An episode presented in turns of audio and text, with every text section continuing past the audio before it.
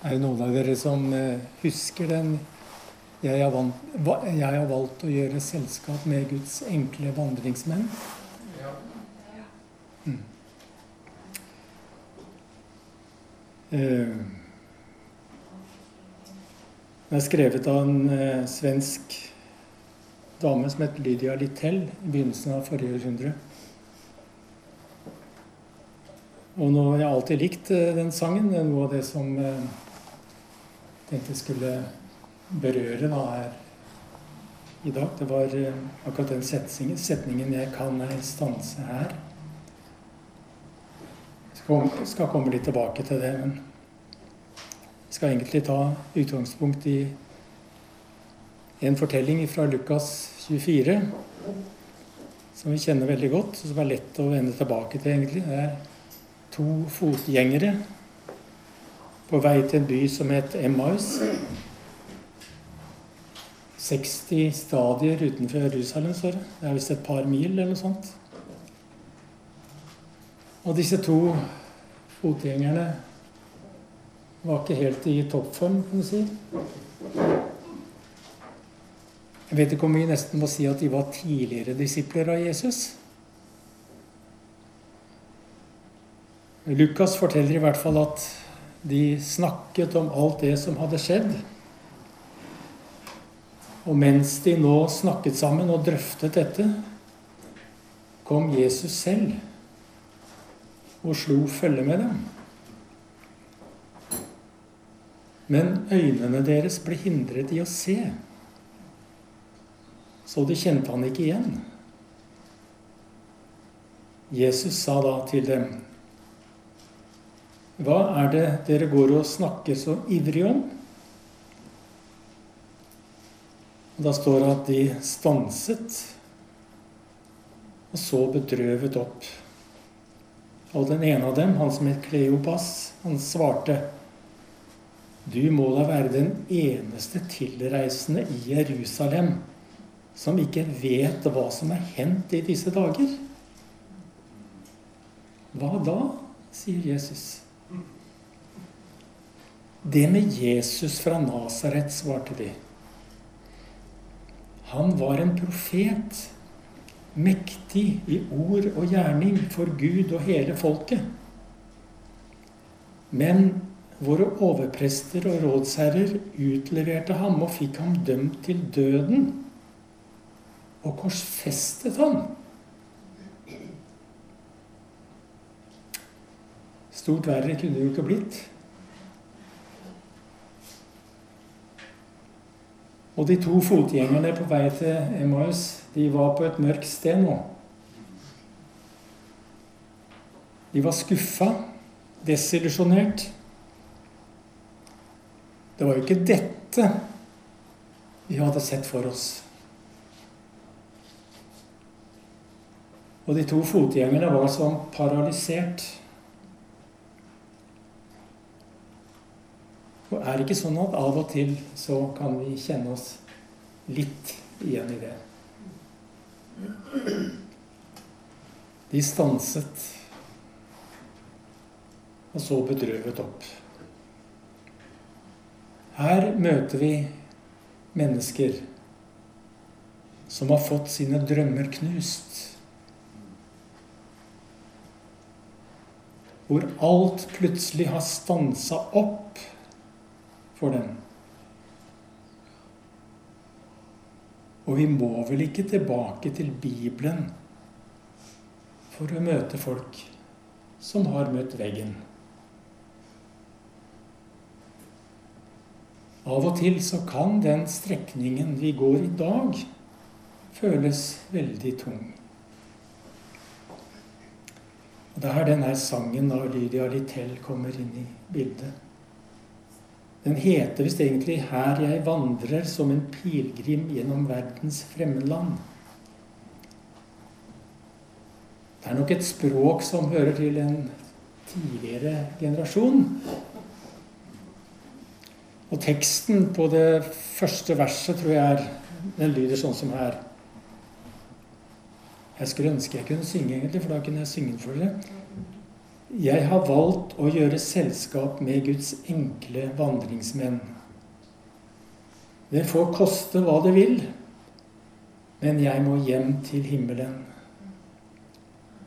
Det er lengselen hjem som driver meg. Jeg kan ei stanse her. For en fremmed her i verden jeg jo er.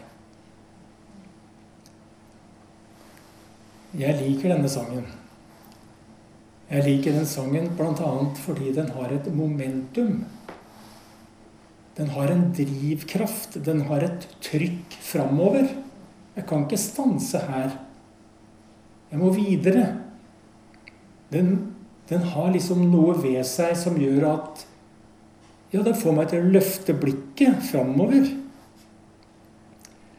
Vel, nå er det kanskje ikke sånn at det er lengselen hjem som driver meg. Det kan jo være litt individuelt. Jeg vet ikke hvordan det er med dere. Men det som driver meg,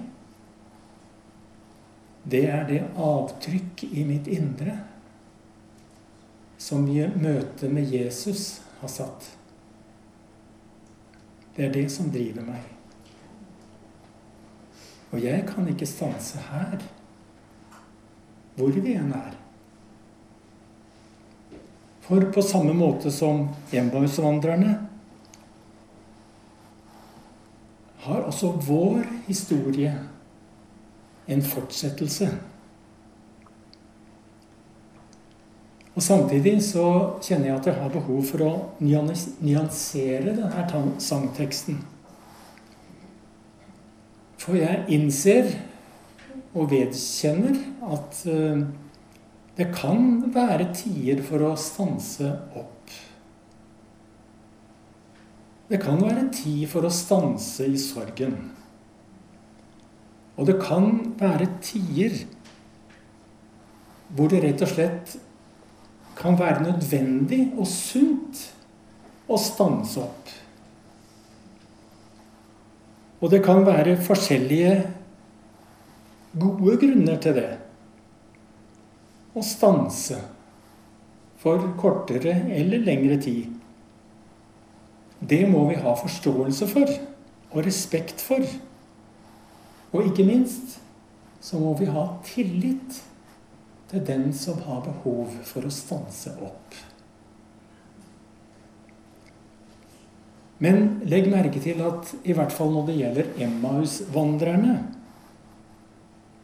Deres historie fikk en fortsettelse. Og den fremmede som kommer til dem på vandringen, Jesus, som deres øyne ble hindra fra å se. Han lytter, han forklarer, og han fører dem videre. For han så at deres reise ikke var slutt. Han ville noe mer med dem.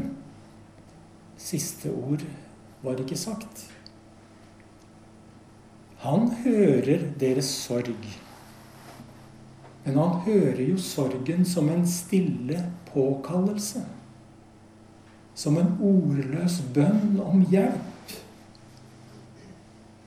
Og snart, ja, snart skal Jesus bryte brødet og dele vinen. Historien fortsetter. Og mens han, Jesus altså, satt til bords sammen med dem, fotgjengerne altså, tok han brødet, ba takkebønnen, brøt det og ga dem. Da skjedde det noe i deres indre. Da ble øynene deres åpnet, så de kjente ham igjen men han ble usynlig for dem. Og da sa de til hverandre Brant ikke hjertet i oss da han talte til oss på veien og åpnet Skriftene for oss? Da Jesus bryter brødet og deler vinen, så forvandler han samtidig sorgen til glede. Og han legger en brann i deres hjerte. Og de fotgjengerne, to fotgjengerne som sto rådville og fastfrosset ved veien, ute av stand til å gå videre, løper nå tilbake til Jerusalem. Fylt av en ny og dypere innsikt. Som de også nå ønsker å dele med de andre. Og det er vel ikke uten sannhet at også vi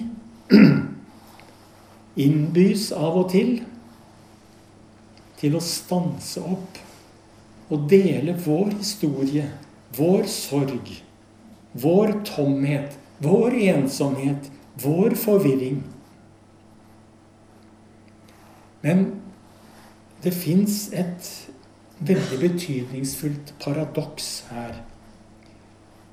For det kan være legiti, et legitimt behov for å stanse. Og det kan ha forskjellige årsaker. Det kan være behov for å stanse, men det er aldri behov for å grave seg ned. Vår historie, vi som er samla her i ettermiddag Vår historie har også en fortsettelse.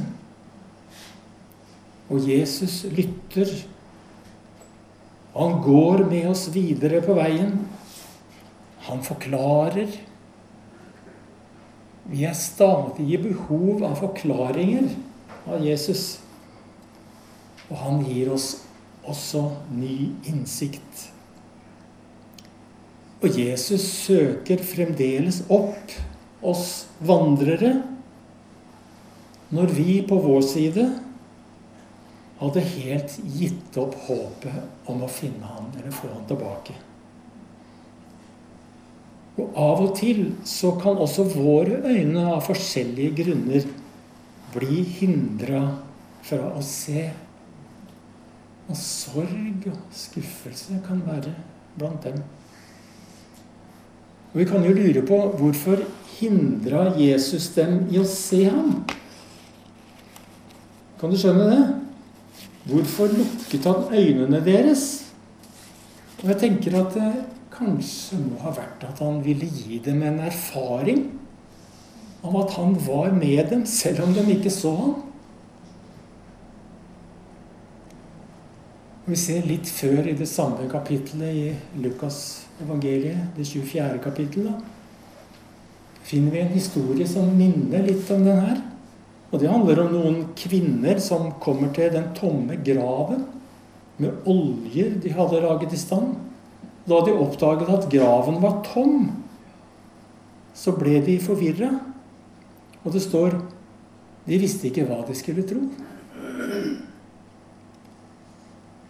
Da viste to engler seg, engler seg for dem i den tomme graven, og de sier Husk hva han sa. Og du ser, det er et spenningsfelt mellom disse to setningene. De visste ikke hva de skulle tro. Og husk hva han sa. Sånne øyeblikk de møter vi av og til alle sammen. Der vi ikke veit hva vi skal tro. Og da vi må huske hva han har sagt. Av og til så kan det bli perioder og strekninger i livet hvor denne her setningen liksom henger truende i lufta. Jeg veit ikke hva jeg skal tro. Og kvinnene ved den tomme graven, de ble bedt om å huske hva Jesus hadde sagt. Det gjorde Emmaus-vandrerne også. De ble bedt om å huske hva profetene har sagt. Og vi blir bedt om å huske, vi også. Husk at Jesus fremdeles er mektig i ord og gjerninger.